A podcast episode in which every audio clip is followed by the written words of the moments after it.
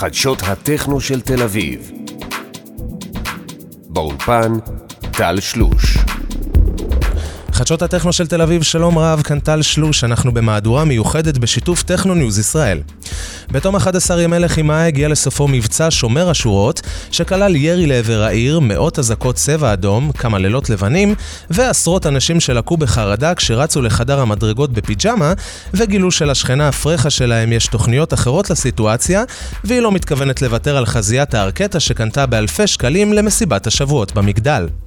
למרות המצב הקשה, היו גם מי שהמשיכו לחגוג בתשתית המטרו של תל אביב, שעבדה במתכונת מסיבות מקלטים, אחרים ברחו לחגוג בצפון, ומה שהכי בלט במבצע הנוכחי היו שלוש אושיות מקומיות שבחרו לקחת צד, חגגו לנו על התחת, והפיצו תעמולה פרו-פלסטינית ברשתות החברתיות, ונראה שגרמו נזק רב.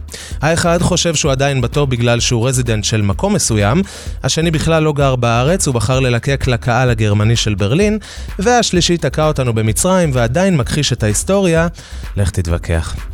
בשעה שכיפת הברזל של ההסברה נכנסה לכיול של ה life, אומנים וארגונים בינלאומיים הצטרפו לטרנד חינם פלסטין, כי בתל אביב כבר אין חינמים, וקידמו את השנאה, ביניהם Charlotte de Witte, Ida Engberg, אנה, Dubfire, DJ Tennis, ה Boiler Room, ה Resident Advisor ועוד.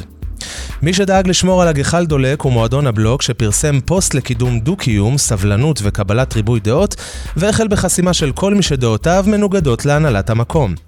בין החסומות מצאנו את די.ג'יי סאמה שנכלאה בשנה האחרונה לאחר שארגנה רייב ברמאללה, כמעט שילמה על כך בחייה וצייצה אל יהוד מג'נונים, איזה אומץ לקרוא לשוטרים שמגיעים אליך כל סוף שבוע למועדון, נאצים. גם הפקת הפאג לא נשארה חייבת והגיבה, בלוקית מתוקה, אנחנו חרטנו על דגלנו הצבעוני לקדם דו-קיום, בי-קיום והטרו-קיום.